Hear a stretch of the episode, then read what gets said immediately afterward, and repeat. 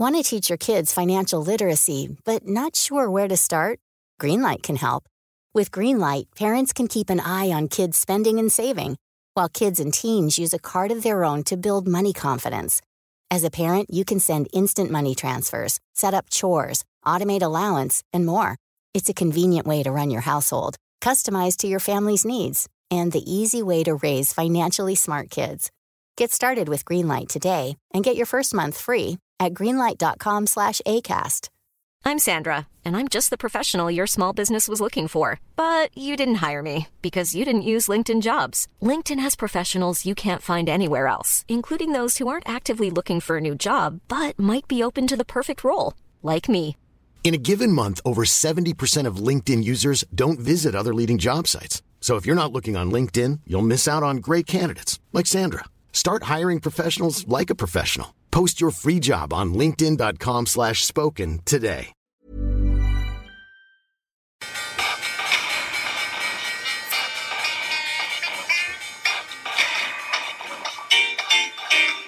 The governments don't rule the world. Goldman Sachs rules the world. Velkommen til den 15. episoden av podkasten Tid er penger. En podkast med Peter Warren. Jeg sitter her med Peter Warren. Si hei, Peter. Hei, Peter. Og eh, vi skal i dag snakke om litt av hvert. Blant annet, vi har eh, gjort et finansielt veddemål med våre lyttere, og masse andre ting. Vår eh, sponsor i dag, eller samarbeidspartner, er IG Markets. Og IG Markets er en nettmegler eh, for private investorer. Noen investorer som du faktisk møtte nå ganske nylig på en konferanse? Ja, i, eh, i forrige uke da møtte jeg vel eh, 90 pluss av dem Mm. på den konferansen. Både kunder og potensielle kunder, var det ikke? Jo, begge deler. Begge deler. Det var vellykka arrangement, syns jeg. Ja, Det var veldig bra. Det var veldig, veldig bra. Jeg syns uh, Fikk veldig god kontakt med, med publikum. Og det er jo Det er veldig interessant å vite at, at det er relativt små ting. Altså, du, du gir de Altså, det er, det er relativt små ting du påpeker, men det har en stor, stor forskjell for folk. Og, og feedbacken etterpå har jo for det første har vært overveldende, er ydmyk for det, det er det ene. Men, men det andre er at du hører at, at folk har tenkt over det du har sagt, og allerede anvender det, og allerede kjenner en, en fremgang og har liksom sporet fremgang. Og det er veldig oppmuntrende. Så jeg også uh, videreformidle Jeg vet ikke om du fikk snakke med Erik Hansen fra IG etter eh, konferansen, men han uh, var veldig fornøyd med, Men det du har sagt. Jeg syns også han var veldig flink. eh. Det var hyggelig. Ja. Vi har også en samtale med han i slutten av podkasten, der vi snakker om lignende tema som vi tar opp i dag. Kan fullføre introduksjonen her. eh. IG har, eh, som du også merka i, i den salen, så, så er det veldig sånn tradertyper som søker til IG. Og eh, vi snakker jo mye f.eks. om VIX her. Og jeg tenker at det er veldig mange som er i litt den samme boksen. Det er kortsiktig. De er ute etter eh, mer kompliserte trader. Det er mye algoritmisk trading. Ja, men, men jeg opplevde jo også at det var, det var folk som var rene investorer, som, som liker det der at de, at de kan bare anvende en del av kapitalen, men få, men få full eksponering. Det var faktisk flere som, som gjorde. Altså de brukte f.eks. 30% av kapitalen, altså, øh, mens de fikk 100 av eksponering, og, og satt med obligasjoner for, for, for resten. Så jeg syns jo det var interessant også. Så de bruker 30% av kapitalen via CFD-er. Ja, for, ja, via produkter som, som de har, men allikevel får 100% eksponering. Altså de, de vil ha 100% eksponering. Så for, la oss si at du skal bruke 100 kroner, så putter du kanskje opp 30, da. Uh, men de hadde 100, og puttet de resterende 70 i en obligasjon. Så det var, det var litt av hvert. Altså det var folk i alle, på en måte alle kategorier. Ja, og eh, det var jo en del ting som kom opp der. Jeg kan jo Vi har fortsatt ikke tatt introduksjonen ferdig her. Og, og det er jo det er på en måte bare litt preg av det de snakker om der også. For det er liksom norske aksjer, utenlandske aksjer, long short.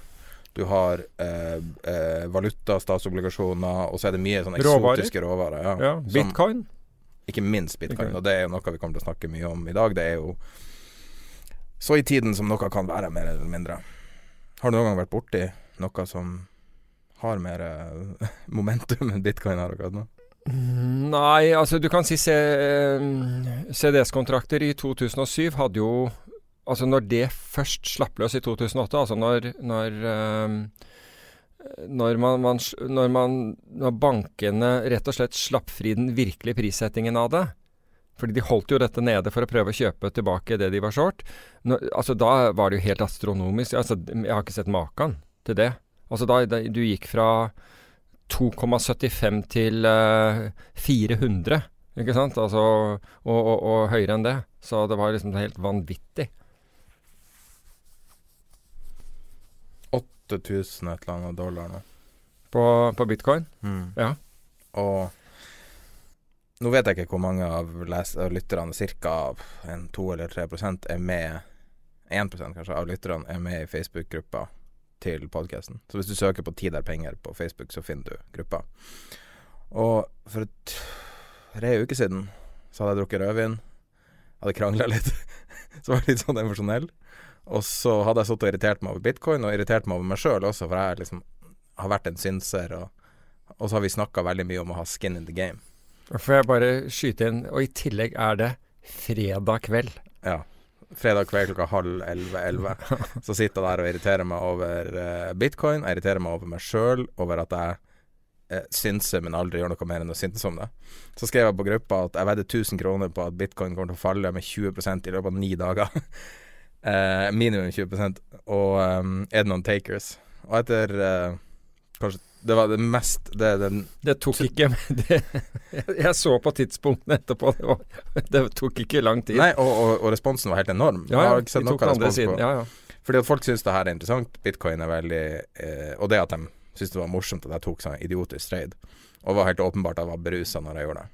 Og så var det fire stykker. Det var, ikke, altså, det var, ikke, åpenbart for meg, men jeg tenkte hvorfor gjør du det? Men det var én ting jeg altså Nå er jeg i den nerdete verden, men, men, i dette tilfellet var det feil. For jeg tenker, er du gæren? Hvorfor gjør du dette på fredag kveld? Du har to helger. Du har, du har sagt ni dager. Hvor du tok ni dager fra, vet ikke jeg. Men ut av ni dager så har du fire helgedager, altså lørdager og søndager, i, i, i den. Slik at du har fem business days. Men Bitcoin Men, følger ikke business. Helt riktig.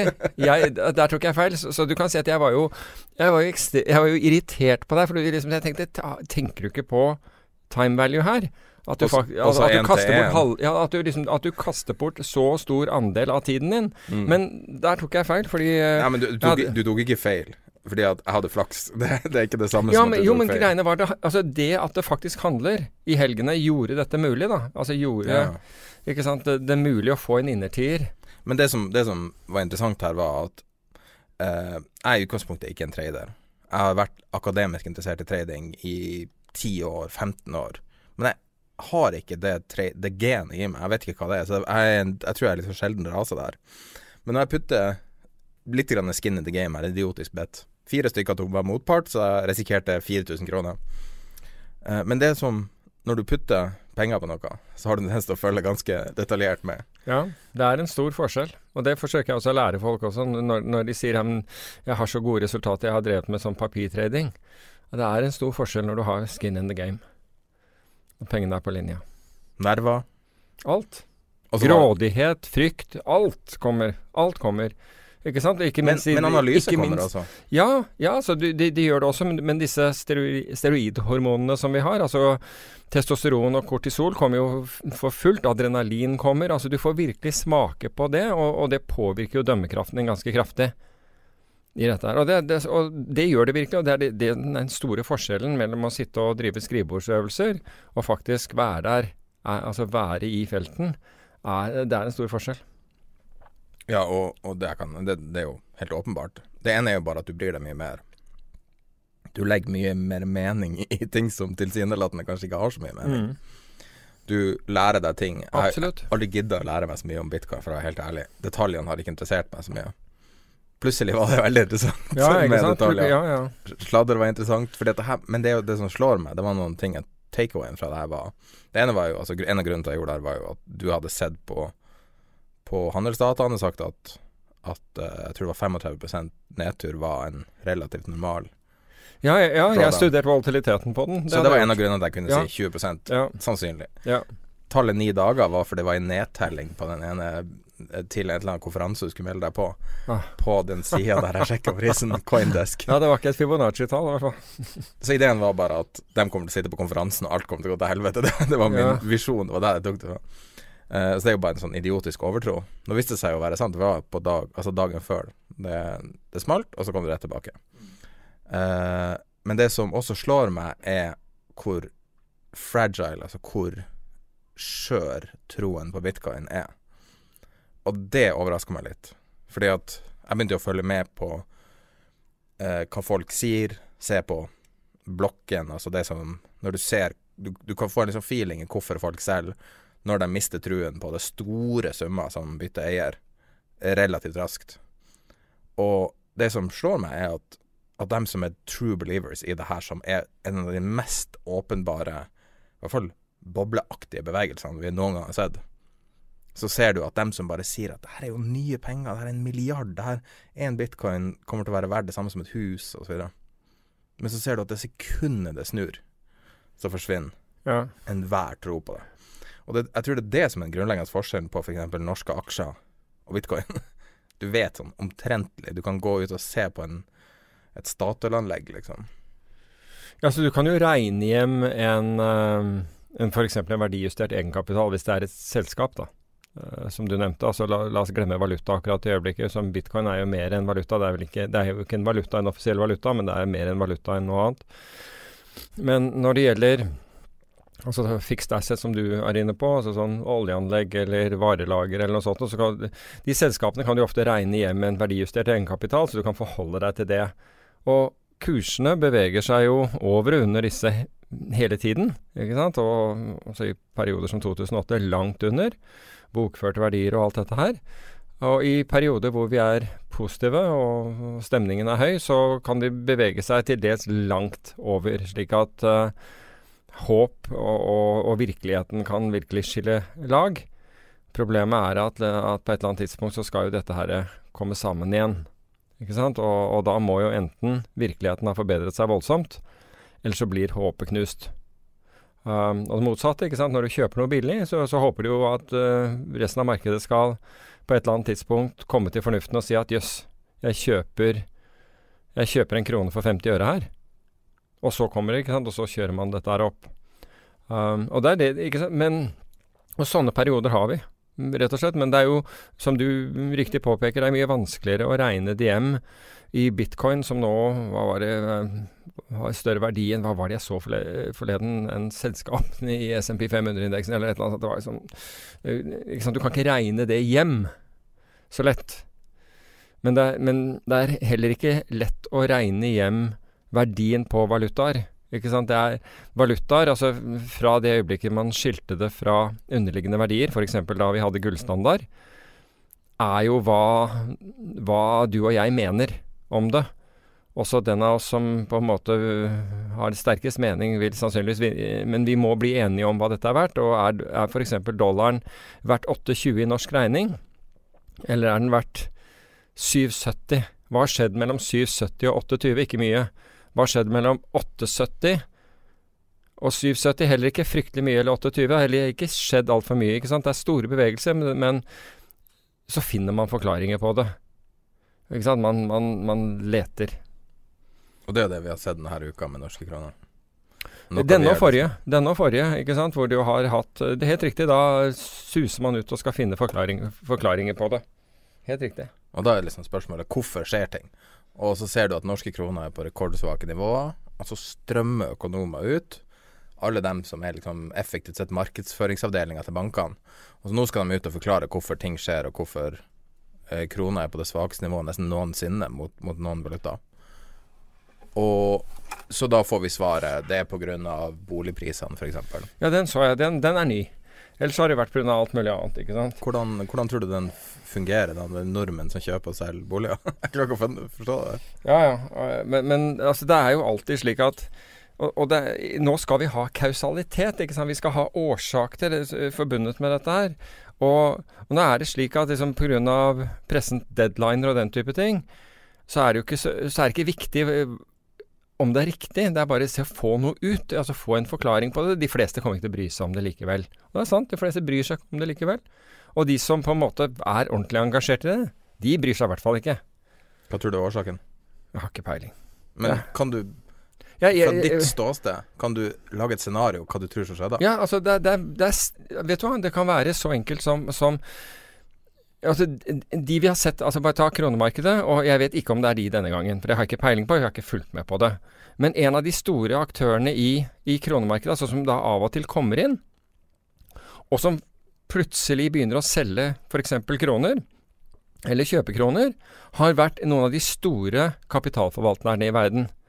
Og det er særlig én, eh, GSAM, altså som står for Goldman Sachs eh, eh, Asset Management, som har vært en, en svær en der. Og jeg har snakket med banker som, som sitter og Altså som har tidligere vært marketmaker i, i kroner.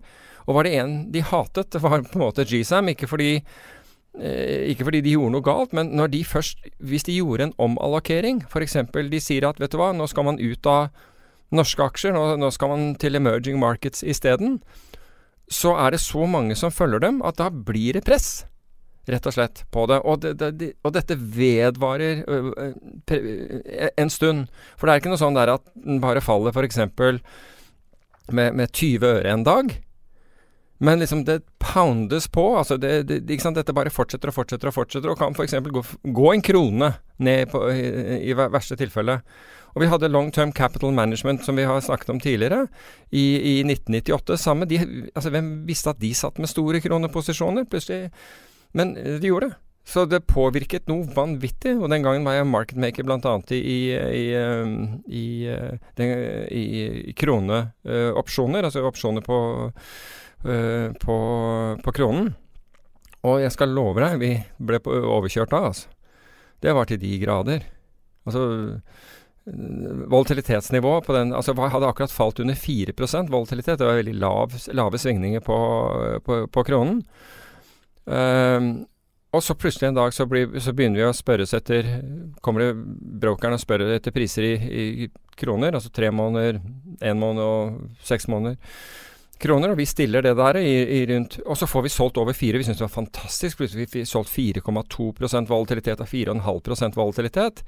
Virket jo veldig bra, bortsett fra da, dagen etter var vi åtte. Og i, innen en uke så er volatiliteten i 22, og du vil ikke tro hvor, hva det utgjør på, på en opsjonspremie. Det er helt voldsomt. Helt voldsomt. Og, du må, og pga. at kronen da gikk som det Altså beveget seg så kraftig, så hadde vi problemer med, med Altså vi måtte være superraske for å klare å hedge oss. Hedge den risikoen vi hadde. Så det var, det var svett som bare det. Det var helt voldsomt. Og en av, en av de den, kanskje den største banken, da, for å si på den måten, som, som satt og handlet kroner her i landet, den, den røker jo på en smell på 900 millioner kroner. Så det. Ja, altså det, fordi dette Altså plut, plutselig så kommer det ikke tilbake, ikke sant. Fordi det som sier ja, ja, her er det billig, eller eh, tar den der, og så er det ikke det. Det billige er dyrt. Nå, nå skriver jo, hvis du leser Financial Times f.eks., så skriver de om norske og svenske boligpriser. Noe som for meg er helt søkt. Og plutselig begynte Bloomberg og de store å omtale norske og svenske boligpriser, og alltid i samme åndedrett. Og det kom De første omtalene kom rett før det her fallet. Tror du sånn type omtale kan ha ført til fallet, eller tror du det er en som følge av fallet? Nei, jeg tror, altså jeg, nei, jeg tror at det, det, kan, det kan føre til mer fall, for du plutselig får du en, en bevissthet rundt det, og så er det en analytiker som får beskjed om. Se hva du tror om det der. Og så drar han ut artikler og sant, søker over databaser og ser at jøss, sånn i dag ja, boligprisene skal svekke seg minst like mye i år, i hvert fall i Oslo. Det var prognosen som, som uh, unnskyld, for neste år som de har gjort i år. Og jøss, hvis det er årsaken til at krona svekker seg, og nå skal det svekke seg enda mer, blir det rapportert tilbake? Kanskje vi skal liksom lette kroneposisjonen, og så begynner de å selge. Men altså, om det er det, jeg aner ikke. Men er det én ting du lærer når du handler kortsiktig, så er det å ikke prøve å finne grunner. Altså, ingen bryr seg om grunner. Altså, det kan du snakke om på kafeen om kvelden, eller over middagsbordet, at liksom, i dag ble jeg skikkelig overkjørt, og, og, og så har du en anekdote på hvorfor det, hvorfor det skjedde, fordi det er alltid noen som, som lurer på det. Men der og da så er det kun støy. Altså, du må ikke prøve å gjøre, make sense out of noise, for det er ikke informasjon i støyen. Altså, den Når jeg handler Du vet aldri hvem som er mot, motparten din. Altså det, for alt du vet, så er det et eh, så er, så er det et svært pensjonsfond i Ulan Batar som er plutselig kommet under, under administrasjon, og som får beskjed av sentralbanken at nå skal dere selge ut alt dere har. Og så dundres det på. Fordi man da Man tenker ikke da at her må man være forsiktig, for dette er et li, mindre likvid marked, og så selger de på kraftig. Og så får du en sånn en Eller det kan være eh, taktisk allokering, som jeg nevnte. En, en, en stor forvalter som gjør en endring i, i taktisk allokering. En ting som vi oppdaget ofte at, at var årsaken, som vi fant ut i ettertid, det var oppkjøp. Og da var det altså oppkjøp som foregikk et eller annet sted. Som, og så begynte man da f.eks. et norsk selskap skulle kjøpe et utenlandsselskap. sant? Da vil de ha behov for å selge sine norske kroner og kjøpe utenlandsvaluta. Eller kjøpe utenlandsk valuta. De ville betale med norske kroner, så det betyr at du selger norske kroner og kjøper den utenlandske valutaen.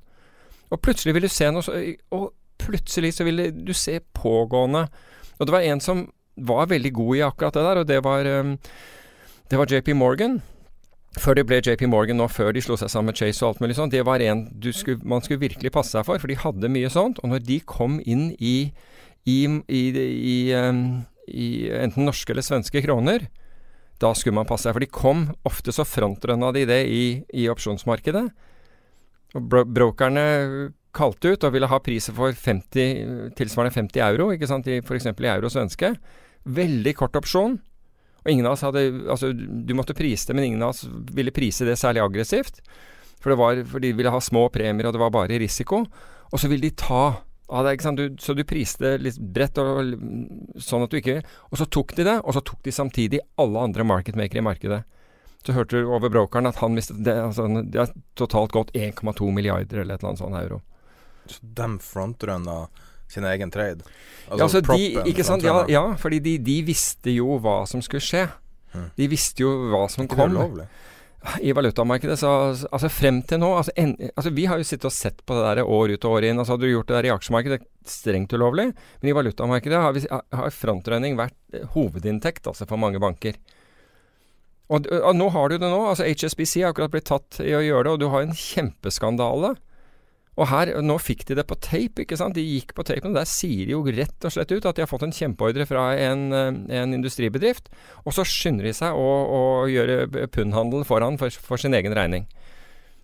Men valutamarkedet har jo egentlig ingen regler. Det er nesten som, som uh, International Waters i, i shippingverdenen. Jo, men det har vi jo egentlig tenkt på, både valutamarkedet og rentemarkedet og alt dette her. Men så fikk du Libor-skandalen, og plutselig nå er det regler.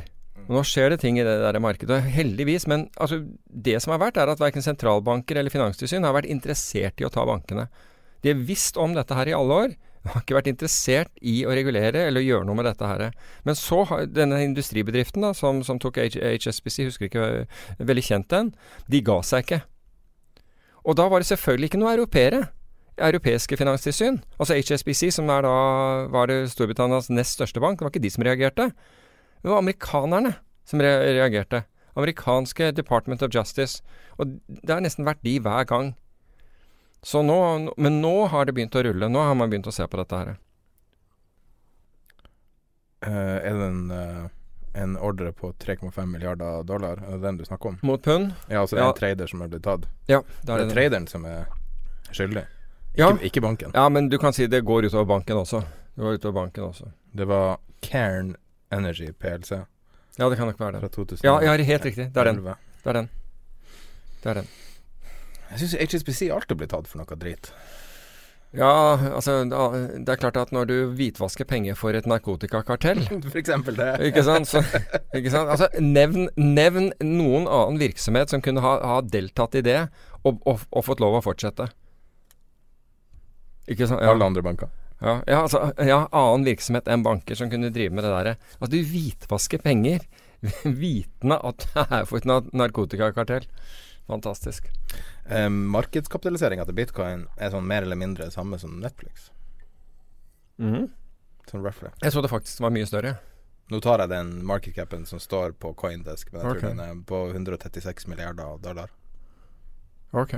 Men det er jo Ja. roughly. Ja, det er med- verdt noe. Det er i hvert fall verdt noe. Det er helt sikkert det er mye penger i det. Hvem er dem som er kjent som de rikeste bitcoin De første dollarmilliardærene i bitcoin? Ikke de der eh, tvillingene? Winkelvoss-tvillingene? Nett- Nettopp blitt milliardærer. Ja, i høst.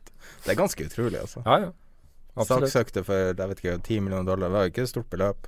Putta alt inn i bitcoin. Og jeg likte så godt jeg leste intervju med dem i dag, for jeg skulle prøve å finne ut om det var 1 eller 10% de hadde. Det er 1% av totale bitcoin de eier. Og jeg syns det sier noe om deres visjoner, hvordan de håndterte det her eh, i 2012. Første gang de var på ei øy, og så det, møtte de en kar eh, som fortalte dem om bitcoin. Og deres reaksjon når de hørte det, var Det her er utrolig spennende. Enten er det fiasko, eller så kommer det kanskje til å ta over verden. Og hvis du tenker deg å kjøpe en liten, et lodd i å ta over verden Det er sånn folk blir milliardærer. Det er ikke en person som sitter og veier altså regneark og sånn. Du kommer aldri til å ta verden med å sitte med et regneark. Og jeg, jeg likte litt det der. Jeg, jeg fikk litt ny respekt for dem. Altså, de er, de er ikke hodeløse risikotakere. De skjønte hva de gikk inn i. Og nå er de dårlige milliardærer. Men det er jo sånn der, det, det, altså, det er jo sånn der etterpåforklaring, ikke sant. At de gjorde det mulig ikke, men, men ikke sant. Altså, storyen er jo kjempebra, og så, og, og så kan man komme med narrativen etterpå. Men, men, det kan hende.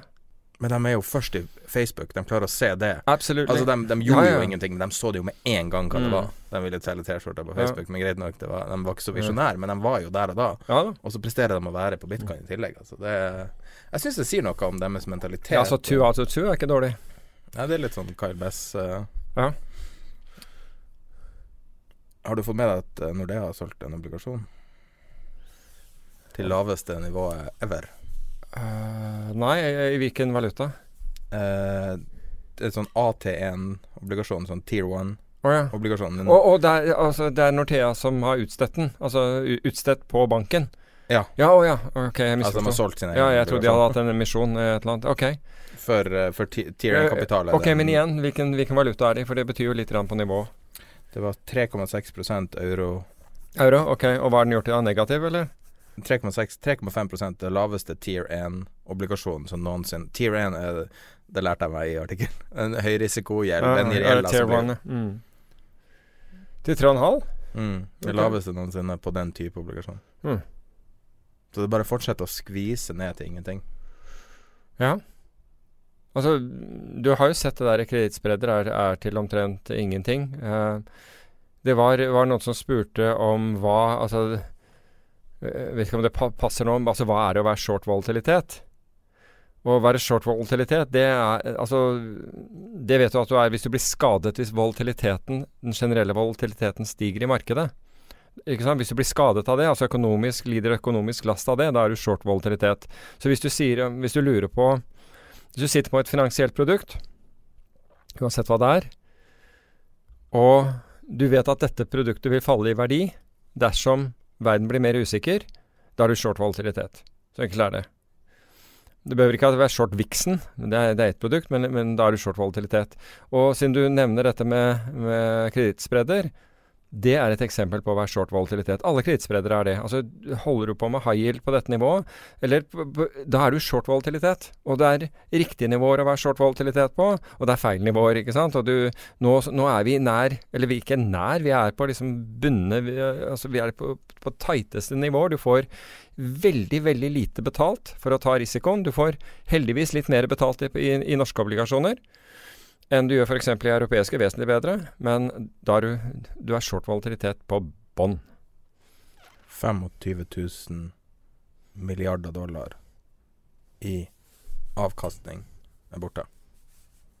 25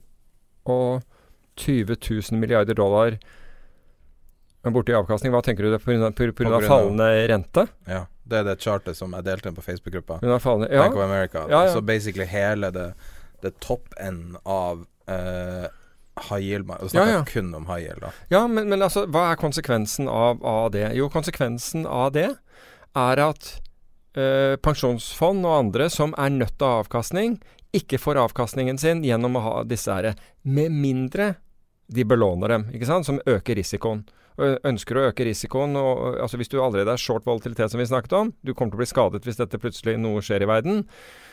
Girer du, da, så øker du, ikke sant, så vil du, vil du lide enda mer. Um, så Og hva Slik at disse obligasjonene, altså de er eh, Folk snakker om at aksjer er dyre, og dette har vi snakket om før, men, men obligasjoner er enda dyrere. Relativt sett enda dyrere. Slik at før så ville folk diversifisere, altså de ville ha noe i aksjer og noe i obligasjoner.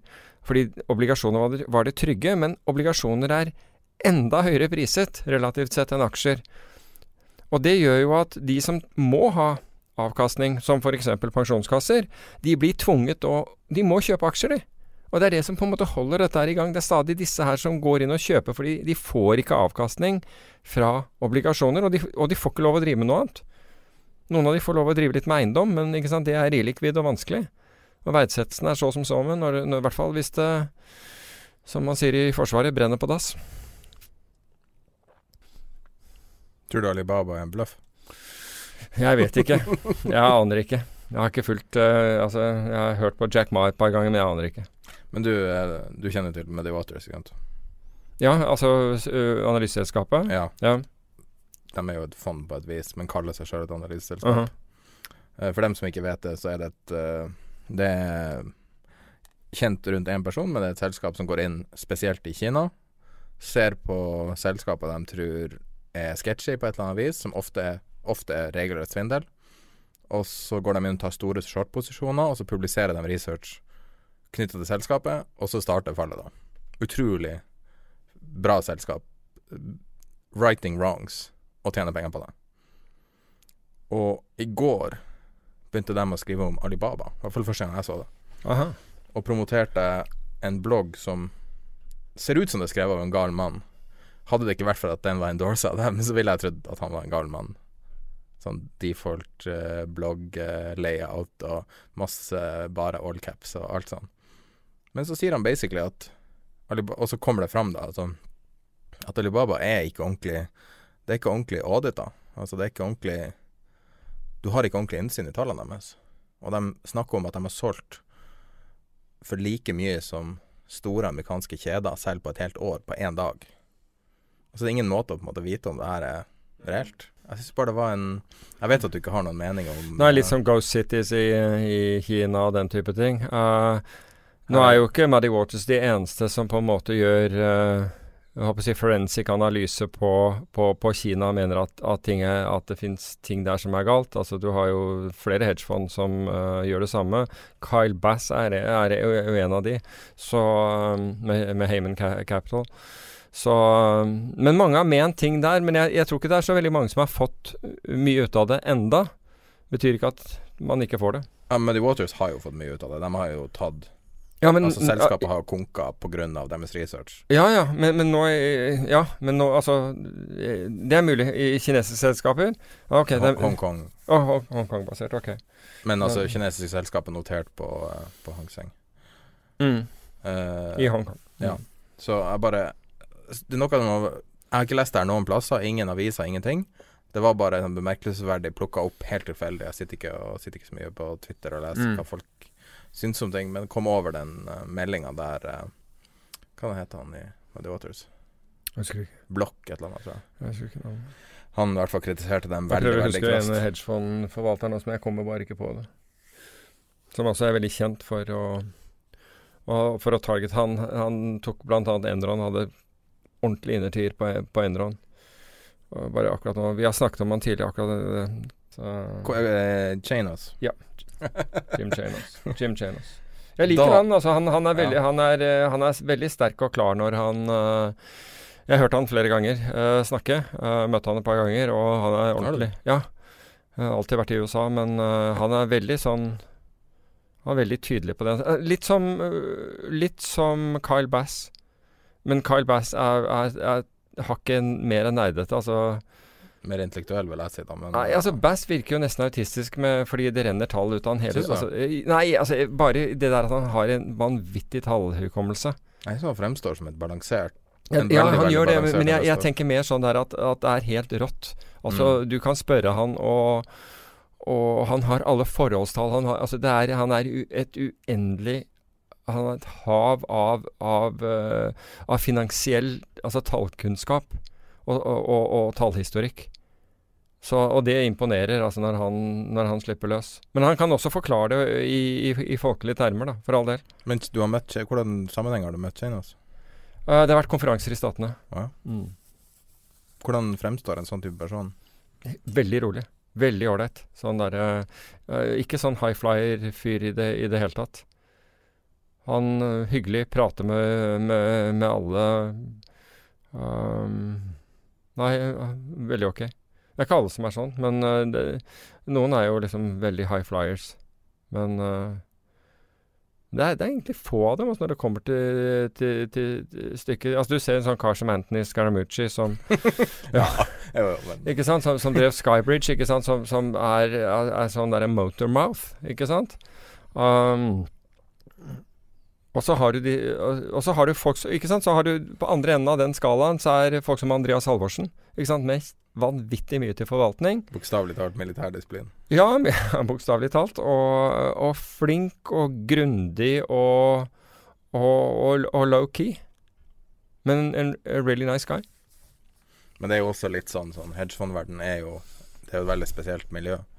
Og du har, du har noen scumbags, men jeg vil si og, og, Ja, men du kan altså, du, Jeg, jeg syns ikke at du kan eh, stereotype dem heller, fordi det er, det er veldig mye Det er veldig mye forskjellig der. Og det er, det er mange som er utrolig opptatt av det de driver med, og, er, og vil gjerne fortelle om det. Men alle er interessante. Ja, jeg, ja, bortsett fra liksom som du sier, du har disse her veldig sånn der high flying-typene. Um, så ja, så er de det. Men, men, men altså, det var jo en, en periode altså, og, og det er jo ofte etter kriser så Eller etter at det har vært turbulent en, en periode, så, så blir hedgefond veldig veldig populære, og, og det blir startet massevis av hedgefond, og alle skal, skal drive det. Og da Jeg husker når jeg dro bort for å, for å snakke Vi hadde jo et, et fond som var investert i, i, flere, i flere hedgefond. Og jeg ville dra bort til eh, statene. Jeg ville typisk dra på Jeg ville dra på mandag og ha ett møte når jeg kom bort på mandag. Du kommer bort i USA om sånn i ett-tiden, så vil jeg ha ett gjerne ha ett eller to møter da, og pluss en middag. Og så gå rett og legge meg, fordi jeg prøver å legge meg sånn i åtte-ni-tiden, fordi du er jo helt uh, pga. tidsforskjellen. Uh, og så vil jeg ha Så vil jeg stort sett ha fire møter, uh, eller fem møter hver dag. Eller fire møter pluss plus en middag. Men i hvert fall så vil jeg komme til det første fondet. Og de ville da fortelle deg altså Du vil alltid høre liksom hva, de, hva, hva, de, hva driver de med nå om, om dagen, hva slags temaer har de, og de ville forklare det, og du ville, du ville føle deg så Altså Du syns de var så veltalende, de hadde så gode argumenter, og du tenkte herregud, altså Og disse her konkurrerer vi med, de er jo så smarte. Um, og så vil du gå til det neste møtet, og dette var spesielt hvis det var blant makrofond eller andre, og så Og så De var også eh, supersmarte. Så ville, men så tenkte så jeg tenke Det var jo egentlig litt den samme storyen jeg hørte fra, det, fra de første. Og det er klart at etter å ha hatt fire møter hvor egentlig alle har fortalt deg den samme tingen, men det amerikanere er så gode på, det er presentasjonsteknikk. Det er de kjempegode på. Alle hadde liksom sin egen spill på dette her. Så, så husker jeg at jeg, jeg, jeg dro tilbake til, til, eh, til hotellet. Og så satte jeg meg ned med, med, med laptopen, og så begynte jeg å searche i databasene. Og den gangen til Goldman Sachs, Morgan Stanley og alle disse her. For jeg tenkte hvor er altså, dette, er, dette kan ikke være tilfeldig. Og ganske riktig. Og, og den gangen var det Salmon Brothers. Der finner jeg analysen. Ikke sant? Så de, de har sendt en analyse, så har alle disse gutta tatt det som sin egen. Kjørt sitt eget spill på Og jeg, jeg tror ikke det hørtes så intelligent ut hver, for hver mann du møtte. De hadde en helt Ikke sant. De ga andre grunner og hvorfor de Det var helt fantastisk. Og sånn var det. Husker du ideen? Husker jeg. Ideen, hva var det den pitcha? Nei, jeg husker, det- jeg husker det var en, en, en eh, makroidé, og, det- og det gikk på Det gikk på denne JP Morgan MB-indeksen, mener jeg at, at, det dreide seg om. Så relativt sofistikerte greier. Forholdsvis. Ja, eller altså, sofistikert for norske investorer. eh, vanligere i det internasjonale miljøet, for å si det på den måten. Nå er faktisk eh, MB-indeksen altså Den plutselig dukket opp eh, her i eh, forrige uke, da Goldman Sachs gikk ut med sine prognoser for 2018. Og den ene er da å er faktisk å, å, å gå long den indeksen har shorta high yield. Så Men du sendte meg at du fikk eh, promo fra et eh, norsk selskap, vi trenger ikke å nevne selskapet, da, som eh, annonserte at eh, de solgte produkter knytta til eh, å gå lang eh, europeisk yield. Ja, det var Ja. på Det var- bare helt sinnssykt høye nivåer. Hva var? Men det var en ting som var Jeg husker ikke hva, akkurat hva det sto i annonsen, men det var liksom Men det var et eller annet fordi Jeg husker jeg, jeg svarte fordi det Hva var det det var, da? Og det var noe som manglet i porteføljen din. De hadde, hvis du husker Jeg tror det var enorme muligheter. Kan det stemme? Ja, Nor Norge muligheter. Men det var et eller annet som var så Jeg husker hvordan det var formulert, for da, da har det her. hva, hva, Hvordan Skal var jeg si hvem det er? For de har jo lansert det her offentlig, da. Ja, det kan du godt. Spiller ingen rolle for meg. Aberdeen. Ja. Europeiske høyrenteobligasjoner har mer å tilby enn du tror. ja, mer å tilby enn du tror. ikke sant? Hashtag income. Ja, ja, ikke sant. Har mer å tilby enn, enn du tror. Og da tenkte jeg, hva er det? Risiko. Ikke sant. Plenty risiko. Så det er bilde av en 20-euroseddel. Ja, nettopp. Ikke sant? På disse nivåene, ikke sant, så, så, så ikke sant? Ja, de kan tilby deg mye risiko og, og pluss å være short volatilitet hvis du ønsker det. Good luck with that. Jeg kan ikke forestille meg jeg klarer å noe sånt altså via en Twitter-annonse. Liksom. Det eh, var som jeg sa her en gang eh, tidligere, altså, vi, altså nå har jo det, det europeiske high yield sikkert tightnet seg bitte lite grann siden, siden eh, den gangen. Men som jeg sa, at, at, at, altså det riktige å gjøre hvis du satt med fond, det er å bare selge ut alt, lukke, altså slå av lyset, lukke døra og komme tilbake igjen når, eh, når, når dette har rettet seg ut. For det, altså, it doesn't get much better. Har du fått tilbakemelding på den kommentaren? Du møtte jo litt folk i løpet av ei uke. Du sa det for en måned eller to siden. Nei, altså bare, bare at folk var enig. Og folk syns at uh, altså, det er ikke der du skal hente.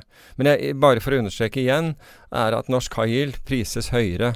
Altså til, til mer attraktive rater, og mer attraktive til avkastning enn den, enn den europeiske som er blitt Altså den europeiske har blitt spesielt høyt priset. Altså når jeg sier høyt priset, obligasjonene opp og, og den avkastningen du får da med andre ord ned. eh, som følge av at eh, ECB, altså den europeiske sentralbanken, bruker noe av, en del av disse 60 milliarder euroene i, de kjøper obligasjoner for i måneden, til å kjøpe corporate bonds. Altså selskapsobligasjoner. Og det har presset ned alle disse kredittkvalitetene. Altså presset prisen, prisen opp på obligasjonene, ned på avkastningen. Vi må ta opp et tema som vi har tatt opp utallige ganger før. Men nye muligheter i VIX. Nye muligheter i VIX under 10. Det er en ganske god indikasjon på at Syns jeg så den på 9,50 her, eh, i hvert fall for noen timer siden. Um, eller en time siden. 9.32. Ah, enda bedre. Enda bedre. Altså, altså den, den har jo touchet un, under 9 på et eller annet tidspunkt. Men sist, eh, og det er ikke lenge siden, hvor den var på 9, så gikk den i løpet av kort tid fra 9 til 14,5. Det er en oppgang på så vidt over 60 um, Ja. Kan vi ta for oss en ting som Vi får det her samme spørsmålet igjen og igjen og igjen og igjen. Og, og det er et litt vanskelig spørsmål å svare på, fordi VIX er i utgangspunktet et proffprodukt. Sånn, når man tar liksom et Ja. steg tilbake, ti år tilbake i tid, det er noe som folk brukte for å skrive artikler mer enn for å investere. Så hvis vi kan ta på en måte pros and cons fra eh, hvordan man eksponerer seg for VIX. Og da tenker jeg det på en måte mest tilgjengelige produktet eh, må vel være en en VIX ETF, kanskje. Og så har du eh, spesielle leverandører som IG Market, som har sin egen eh, VIX-derivat. Og så har du Og den prises sikkert helt på basis av, av VIX-en, så hvis, hvis VIX-en tikker ned, så går det produktet ned, og hvis VIX-en tikker opp, så, så gjør det motsatte. Altså Nå har ikke jeg fulgt det, det produktet, det har vært morsomt å ha sett på det, eh, bare for å se hvordan den beveger seg i forhold. Men Men kan du si litt om de forskjellige, og så kan du Hva du, må du gjøre hvis du har lyst til å matche eksponeringa til det du ser på VIX-indeksen? Altså Hvis du skal nøyaktig matche VIX-indeksen, da bør du være ganske proff, for å si det på den måten. Kan vi starte på det, det du faktisk lett kan gjøre? Ok, la, la, ja, la, oss, la oss ta det du lettest kan, kan gjøre. Gå, starte i den der.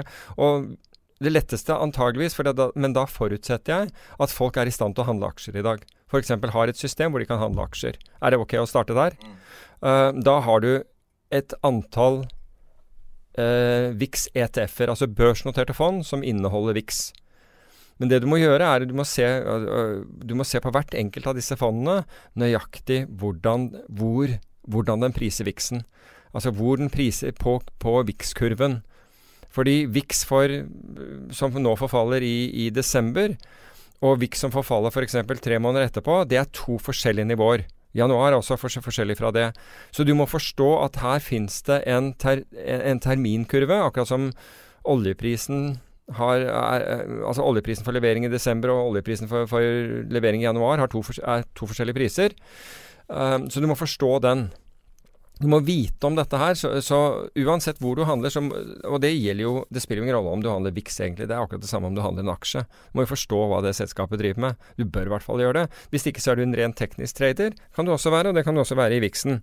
Men det er en fordel, uansett en fordel å forstå hvordan dette er, fungerer. Men det fins et antall produkter i, i VIX-en. Og jeg, jeg, har sett på noen av dem.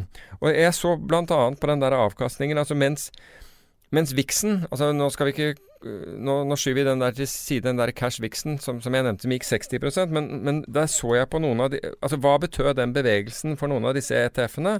Og det er klart at pga. dette med kurven, så er det atskillig mindre bevegelser. Men det, det, betød, det betød bevegelser på et eller annet sted mellom 10 Eller 9 til 15% Men det er ikke dårlig på noen dager, altså. Det fikk du ut av det. Altså den der VIX-bevegelsen fra 9 til, til 14,5, altså i, i, i cash-VIX, den fikk ETF-ene til å gå et eller annet sted mellom 9 og 15% Dette skjedde bare over noen få dager. Um, de som har vært short VIX gjennom hele altså året, har, har, tjent flere hundre prosent. Så du kan si Og, og det, er, det, er, helt klart lønt seg å være short. Alle, det sier seg selv når noe faller i verdi, så lønner det seg å være short. Um, Problemet er at flere og flere vil være short det lavere det faller, og da det på en måte er intuitivt litt feil. Men når vi er her nede i, altså ni, rundt ni, vi har sett den under ni også, så har det veldig ofte lønt seg. Altså De gangene det har skjedd, så, så har, altså da er markedet sårbart. Og man skal ikke si at noe altså, kommer til å gjenta seg herfra til evigheten, for det gjør det aldri. Men rundt disse nivåene så har det vært lønnsomt å være longvix. Når du har sett disse spikene oppover, så, så kan, kan, man være short. Men det kommer an på hva er det du skal med det. IG har en, en måte der du kan eksponere deg med ja, ganske mye giring. Med, med, med, med, CFD. Men som sagt, jeg, jeg, jeg, har ikke studert det produktet. Men tenk deg et derivat med ja, potensialet til å gire betydelig. Ja, og det har du, det har du både det har du i futures, og du har det gjennom disse, disse CFD-ene. Ja. Um, felles for disse to er at du må, altså at du stiller med eh, kapital som sikkerhet. F.eks. hvis du handler VIX tilsvarende altså La oss si at den VIX-kontrakten var verdt, bare for å ta et tall, 1000 dollar. Så, så, må du bare stille en liten andel som sikkerhet for det. For, for, for, for handelen din. Det, men det er klart at hvis den beveger seg mot deg, så, så, må du fylle på, må, må du komme med tillegg, tilleggssikkerhet. Og Derfor så er det jo ofte litt vanskelig altså For de som handler aksjer vanlig, det, så er det veldig greit å handle ETF-er. Men hvis de vil ha noen av disse produktene altså Det mest handlede VIX-produktet der ute er jo, jo future-kontraktene. Det er det de store handler. Um, da trenger du en marginkonto. Skal du handle hos, hos IG, så trenger du penger på konto for å kunne handle den, den uh, type kontrakter. Det er helt vanlig.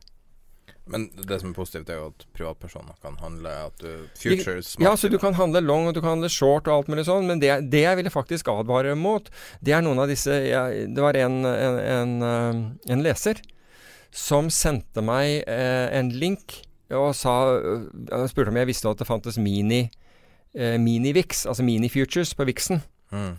Og Jeg var ikke klar over det, så, så, jeg trykket på linken, og da kom jeg til en, en stor tysk bank eh, sin side. Og, de, de, og, og, den stilte da priser på uh, det som, på future-kontrakter, på mini-future-kontrakter, altså det, som da var en brøkdel av, av, av, de store i, i, uh, i verdi.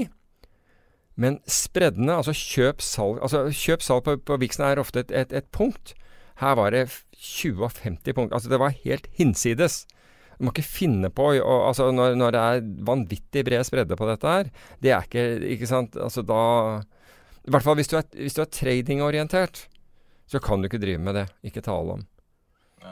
Og, og, dette autokvoteres, ikke sant? fordi det er, det er, så bred pris at det er bare en maskin som, som, som stiller eh, de, disse prisene. Eh, og de, de, tar jo ingen risiko overhodet fordi spreddene er så vide. Men hva hvis du faktisk vil ha én-til-én-eksponering? For du snakker om at er denne avkastninga du får, er 9-13% som er veldig bra. Ja, ja. Men hvis du vil ha den Enten girer du, ja. eksempel. Altså hvis du vil ha én til én Altså hvis du vil ha viksen, da. Mm. Da er du faktisk nødt til å kunne opsjoner, for da handler du opsjoner direkte. Da handler du opsjonene på disse selskapene som Altså Vixen jo, måler jo da volatiliteten. Eh, eller Vi- Vixen er da på opsjonene som handles på SMP 500-selskapene. Så da må du liksom ta for deg opsjoner på alle disse selskapene. Og kjøpe noe som heter straddles, altså da kjøper du put og call-opsjon samtidig på alle disse. Og så må du delta-hedge. Altså dette, dette er for folk som dette, dette, er, altså dette er for veldig profesjonelle. Altså jeg har vært marketmaker i, i, i opsjoner i 13 år, så for meg er dette er på en måte veldig greit. Altså det, det, det er komplisert å, å gjøre, men jeg forstår hva jeg skal gjøre. Um, dette er ikke for menigmann å, å prøve seg på i det hele tatt. Det er altfor komplisert og risikabelt. Det er bedre å gire, kanskje. Ja, altså du Er det bedre å gire? Mulig, men du Altså det, det først, første du må gjøre for å unngå å betale altfor mye, mye skolepenger for, i voksenopplæring, det er å lære deg hvilket produkt det er som finnes der ute, og hva de gjør i forhold til hverandre. Og hvordan du skal handle dem. Og så må du finne ut hva Når du har gjort det, så vet du i hvert fall hvilket terreng du beveger deg, og hva som er der. Punkt én. Punkt to. Hva er det du skal med dette? Hva hva er hensikten din? Er det f.eks. å ta en bevegelse i underliggende VIX på, på, ikke sant, på som går fra 9 til 14 eller et eller annet sånt. Er det det du er ute etter? 9 til 12, 9 til et eller annet sånt? Er det, er det en sånn bevegelse du er ute etter? Eller gjør du dette for å sikre en portefølje? Vesentlig, vesensforskjell i hvordan jeg ville posisjonert meg. Um, er det Vil du bare f.eks. si at hør her, 9 til 14 i VIX, det bryr jeg meg ikke noe om, det går sikkert greit, men jeg tror at hvis VIX-en bryter gjennom 20, da må virkelig noe være gærent i verden. Da har det gått helt gærent et eller annet. Det er der jeg Da vil jeg eie VIX-en. Ok, da snakker vi om å, å ha en opsjon på VIX-en. Ikke sant, Som du betaler relativt lite for, siden det er, det er langt fra 9 til 20, så vil du antakeligvis betale ikke så mye for den. Um, og hvor lang skal den være i tid? Når, ikke sant? Skal den vare i tre måneder? To uker? Et år? Alle disse tingene. Du, du, du må på en måte ha klart for deg hva du prøver å gjøre. Men det er, altså, det er jo blitt en fantastisk trading vehicle for de som er kortsiktige tradere, og som har evnen til å være tålmodig. Som det er med alt når det gjelder trading. Og så er det jo sånn veldig, et veldig attraktivt produkt. I og med at det har At det kjæ- svinger. At det har kjælenavnet Fear Index. ja. Men det er jo lenge siden det på en måte var det, i Ja, ja. reelt sett. Men ja. Da har vi fått et spørsmål som er litt relevant til det du sier. Som jeg, jeg syns man kan ta for seg enten man aksjer eller, eller hva, egentlig hva som helst. Hvordan kan man uh, skalere opp posisjonen sin etter man har kommet fram til en uh, investeringshypotese for å forhindre at man er for tidlig ute, samt hvordan kontrollere sin nedside for å få asymmetrisk risk reward, slik Hugh Henry er kjent for.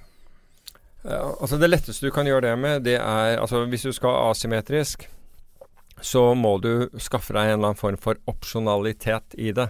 For det gir deg en asymmetrisk ris riskprofil. Uh, mens uh, Så i dag Altså jeg forutsetter at man spør om dagens marked. I dagens marked så vil, altså, så vil jeg være opsjo- øh, bruke opsjoner. I 2007 så hadde du opsjoner, men du hadde i tillegg CDS-kontrakter som, som skaffet deg det. Og noen ganger så er, er det rentespredder, altså f.eks. at du går long, altså swap-spredder eller et eller annet sånt, men igjen da er det mer profesjonelt marked.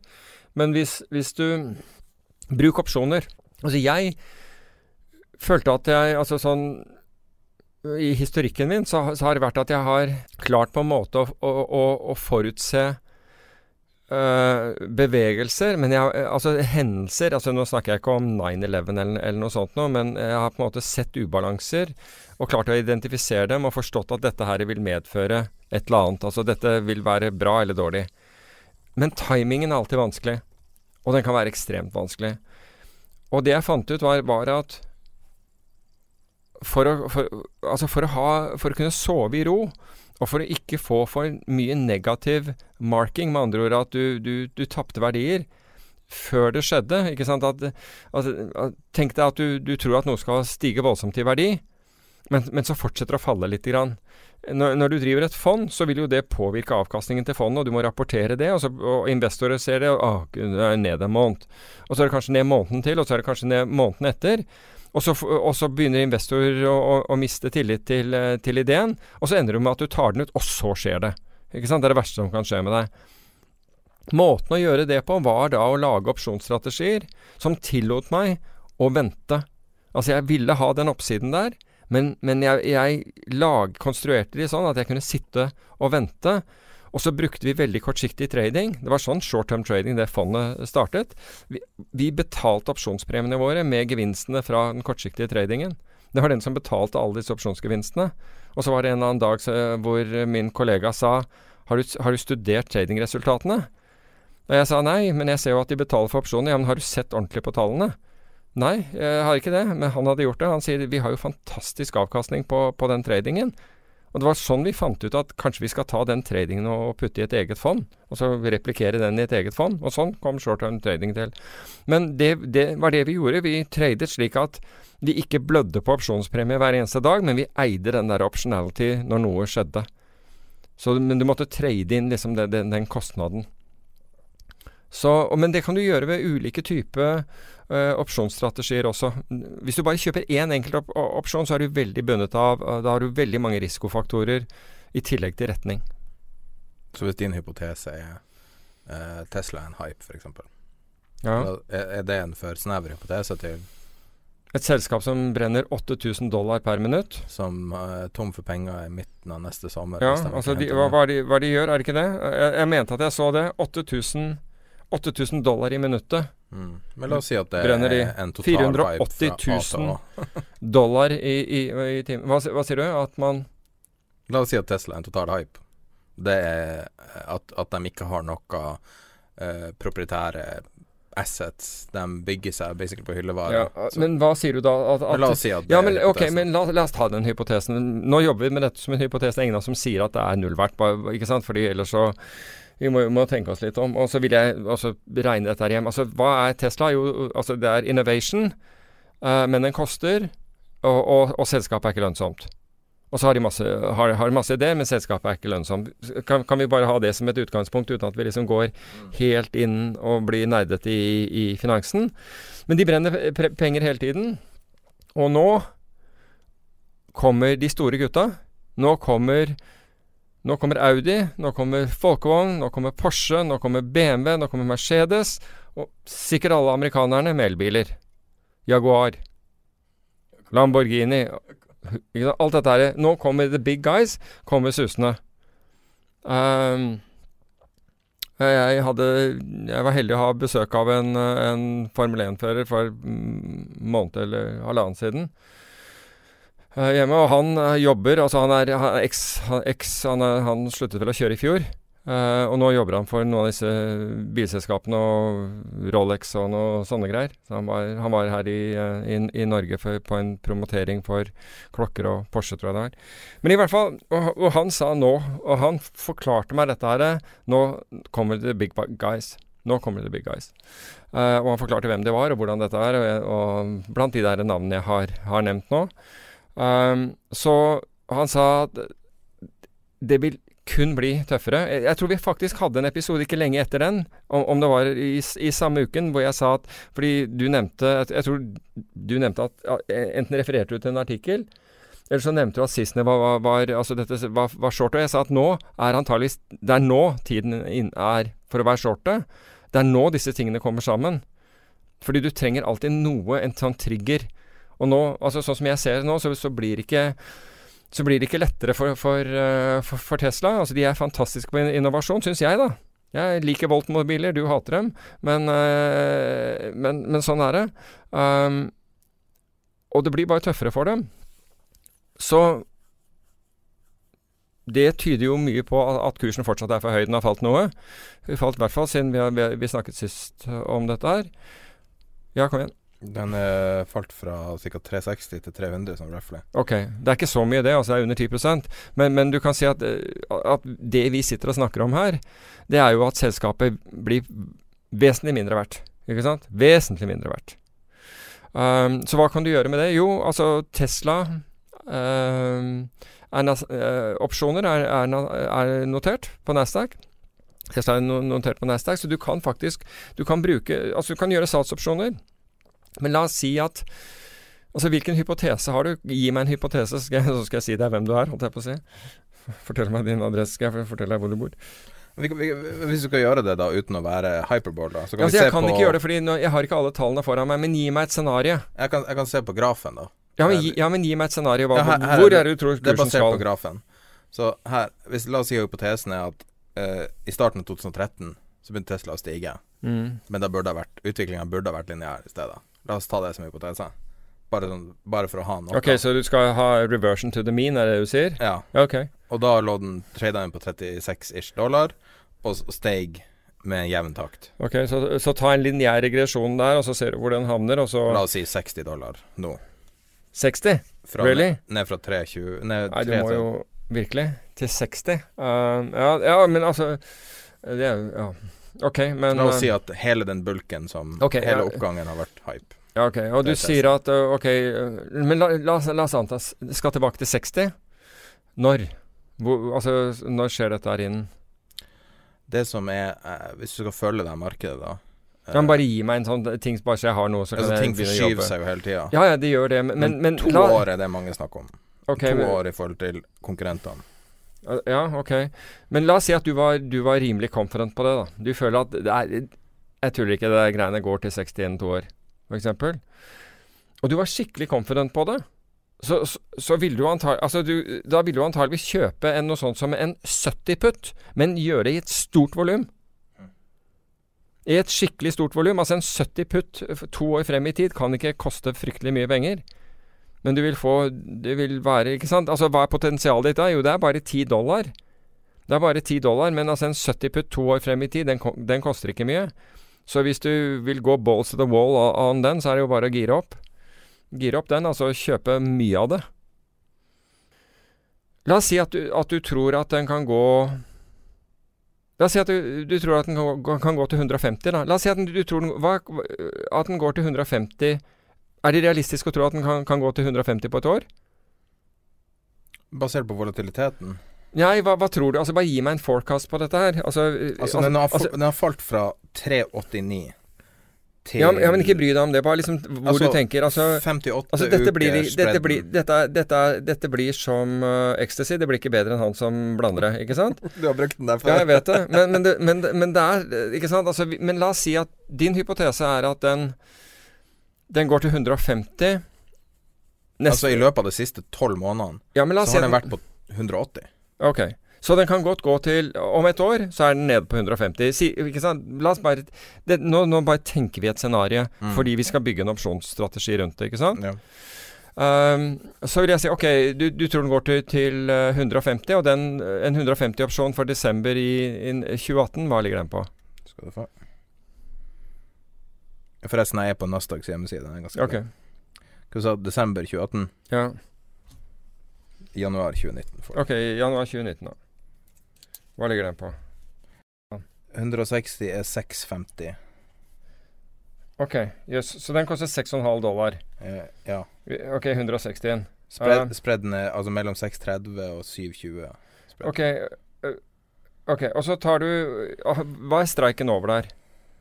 Nevn noen streiker som går høyere opp. Å ja, det er på fem. Intervallet på fem. Å oh, ja, det, er- det er så tett, ja. Ok, men så det er ganske du, stort volum på 150 ser jeg. Ok, men hvis du sier Hvor er det volum på, på, på Du sa 150 har stort volum? 150 har stort volum. Ja, hva, hva er prisen på 150, da? Eh, 550, så spredden er der mellom okay, 530 og 6 og tightere spredd. Ok, la oss si 550. Hvor er, altså hvis du går oppover i streiker, rundt 200 og over 200, hvor er det det er stort volum der? Eh, 200 blank, selvfølgelig. 200 blank er et stort volum. Hva ligger den på? 1280 i det siste. 1280. Der er spredden 50, 50 cent. Så 1250 til 13. Ok. Så da har vi altså mellom de to så har vi 730. Så hvis jeg gjør 200 til 150-spredden, så betaler jeg 730. Ok? Mm. Da har jeg 730 for å få 50. For å få maksimum 50. Nå begynner vi å snakke, ikke sant? Nå begynner vi å få noe som er gans ganske Ikke sant? Du får nesten sjugangeren. Begynner å se interessant ut. Ok? Enig? Nå var hypotesen fortsatt at den skulle tilbake til 60. Ja, ja, men la, oss- la oss bare si at du tror at den skal til 150 i, i neste år, da. Ok, så har vi den derre. Ok, nå, hvis du nå kjøper 200-putten og utsteder 150-putten, Mm.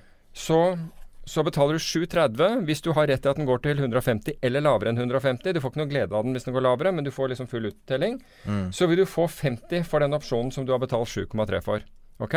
Mm. Så la oss si at uh, kan du gå på kortere opsjoner, og, og så begynne å se på callene i øyeblikket. Vi, vi befinner oss nå rundt 300. Mm. 313. 313. Hva koster f.eks. Uh, 350-opsjonen hva, hva, koster, hva koster 350 for januar i, i 2018? Det er litt stygt Ja, vi sa 19. januar, da. Så har du 350 Det er 19. januar 18, ikke sant? Ja. Ja, den koster 6. 6. Ok?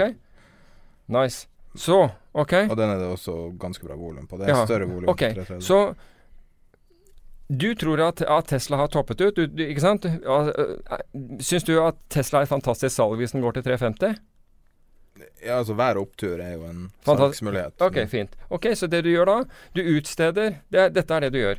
Du gjør den der spredden vi snakket om. Du kjøper desember, unnskyld, januar 2019, ikke sant? Det var den vi Mm. snakket om.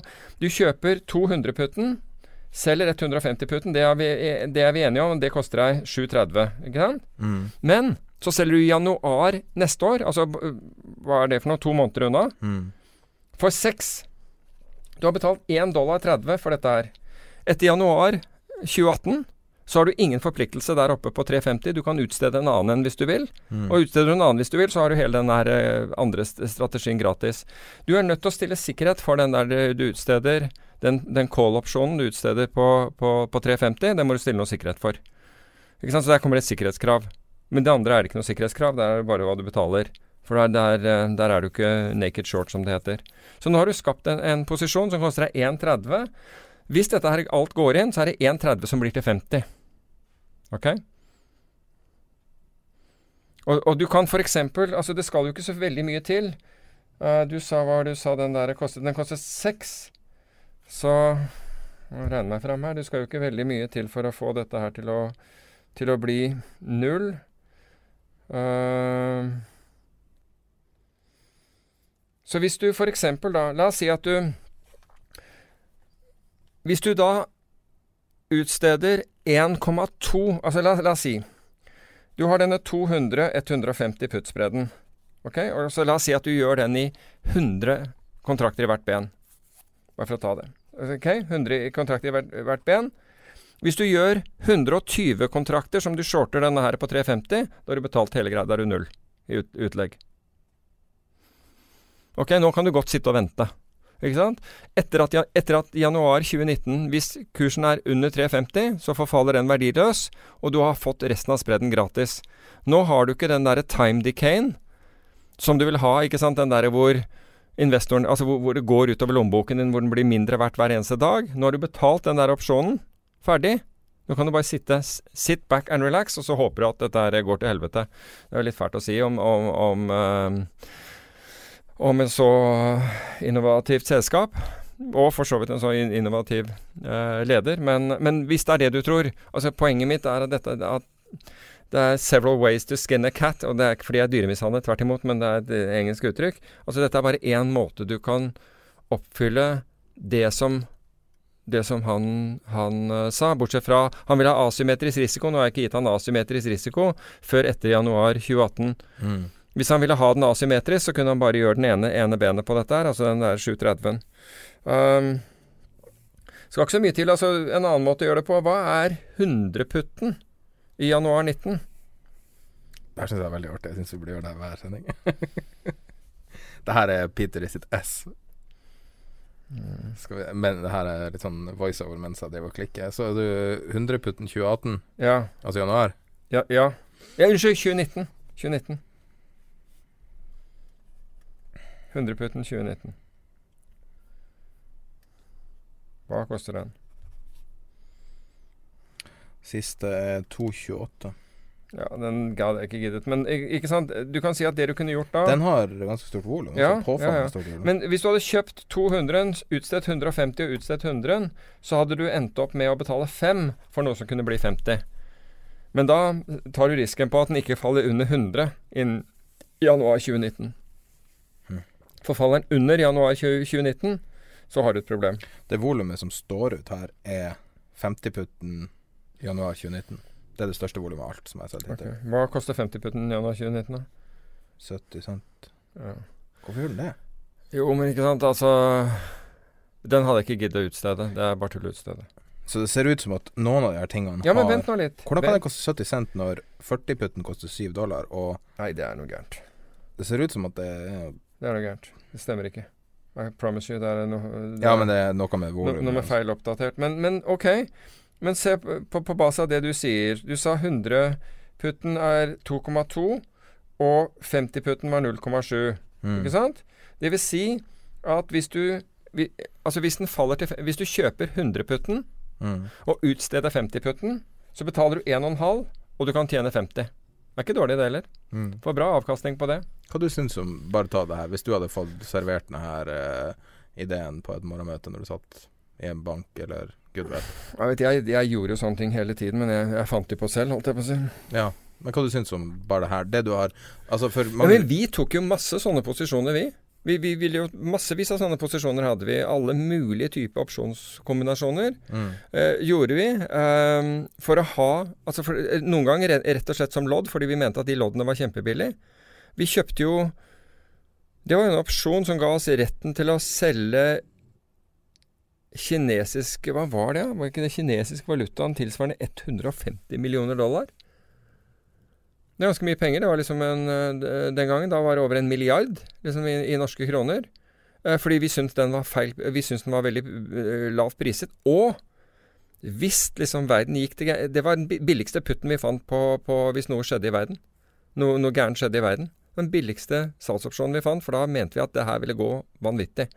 Skjedde ingenting. Ok, vi tapte de der, den premien på det. U underveis så, så, så svingte det nok til at den premien vi hadde betalt, tredoblet seg, så vi kunne ha solgt den til en vesentlig høyere pris. Men vi hadde den som en hedge, og vi lot den være som en hedge.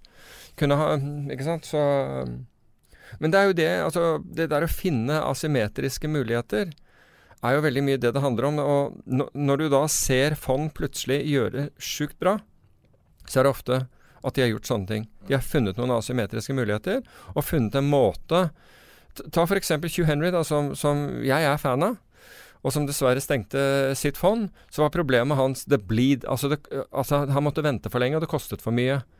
Fordi han øh, Han fant ikke måter å finansiere disse posisjonene på. Uh, vi, vi, vi laget til og med en SPV, og den gikk veldig bra for øvrig, på det der, med, med en, en putt-kombinasjon på, på OBX-en et år. um, for noen av våre største aksjonærer. Og den gikk ordentlig inn. Den, de fikk vanvittig avkastning på, på den.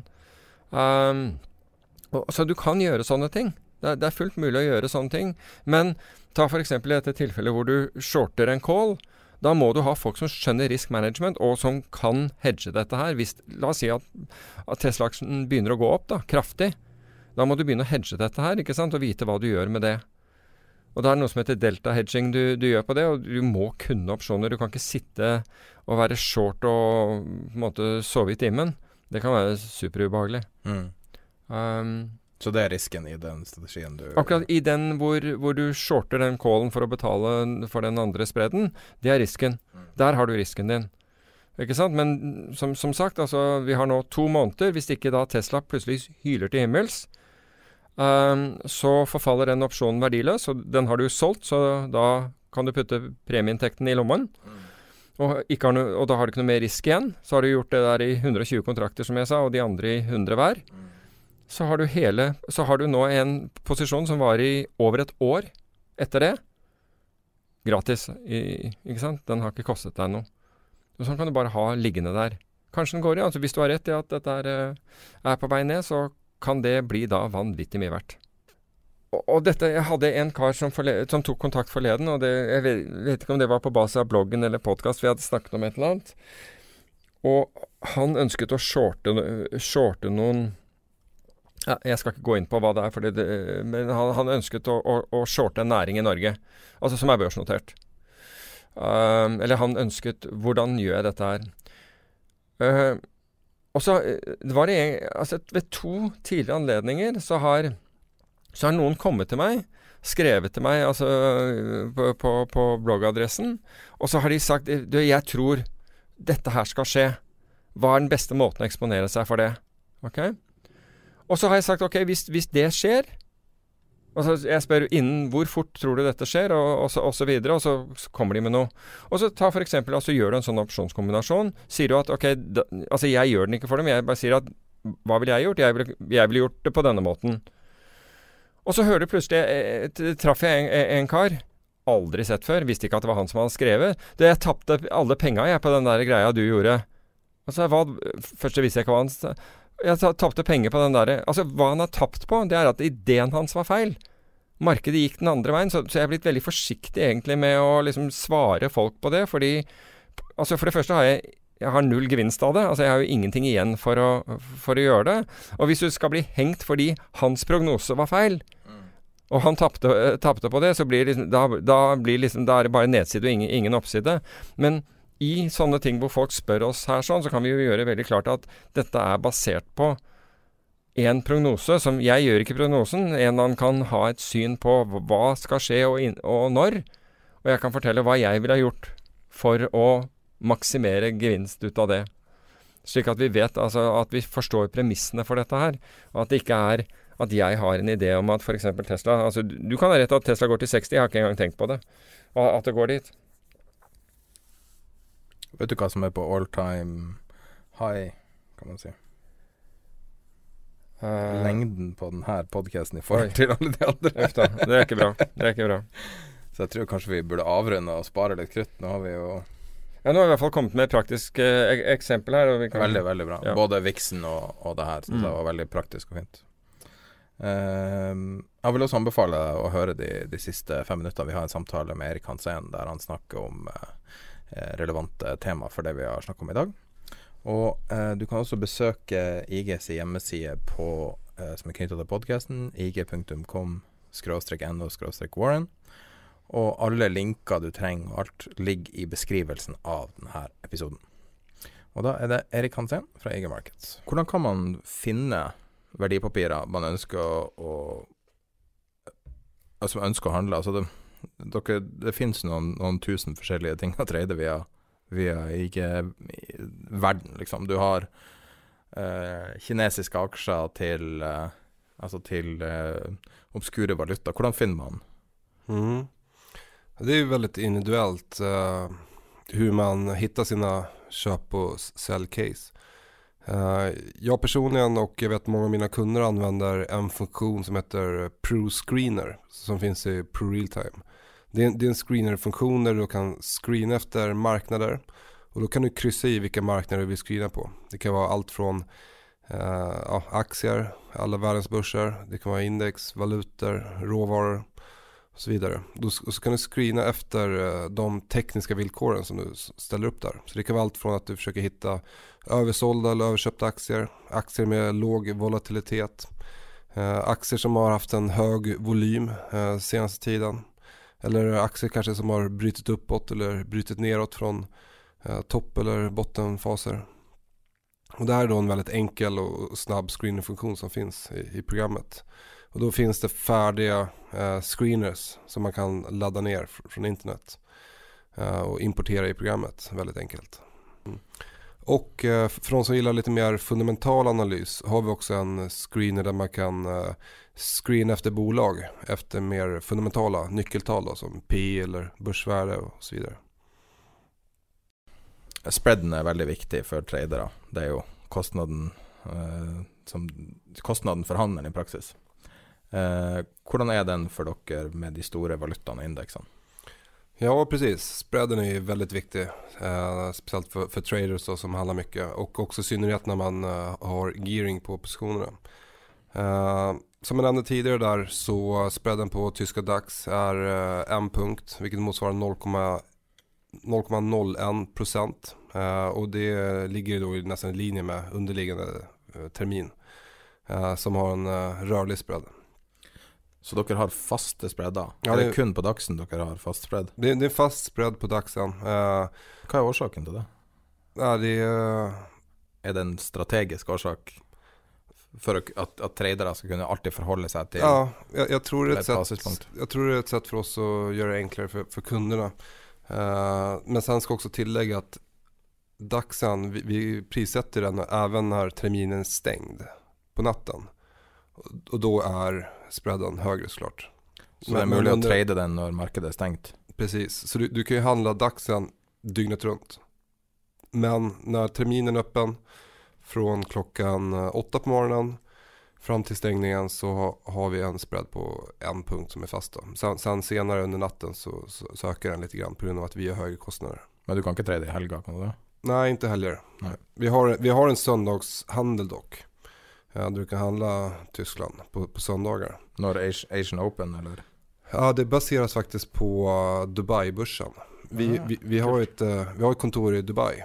Uh, och börsen i Dubai är öppen på, på söndagar. Mm. Så att det priset baseras mest på Dubai-börsen samt hur våre våra kunder agerar, Så handlar. dere lager en syntetisk eh, Ja, pre-market, liksom? ja, exakt. Och uh, vi såg ju här uh, det som hände med Nordkorea uh, för några helger sedan. Uh, och då såg vi att vår søndagshandel söndagshandel var, var ner uh, 0,7 procent. Mm. Eh, sen såg vi också att börsen öppnade ner 0,7%. Så den, den brukar stämma. Når det gjelder valuta, hva er en typisk spread for uh, type euro-dollar og, og de store valutaene? Yes, eh, ska säga, det, det beror på lite grann. För det första så är spreaden rörlig, eh, flexibel. Sen finns det två olika sätt att handla valuta hos IG. Antingen kan man handla eh, DMA, Direct Market Access, där du har orderboken. Dock så kan du enbart handla standardkontrakt, eftersom det är det som är standardiserat på den underliggande marknaden. Eh, och för andra ska handla OTC, och där har du också minikontrakt. Handlar OTC så betalar enbart en spread och den brukar ligga på ungefär 0,75%. Eller 0,75 punkter menar jag. Handlar du på DMA, der där du ser där du också betalar ett courtage istället för en ökad spread då. Där ligger den på ungefär 0,1 0,1 eh, punkter då.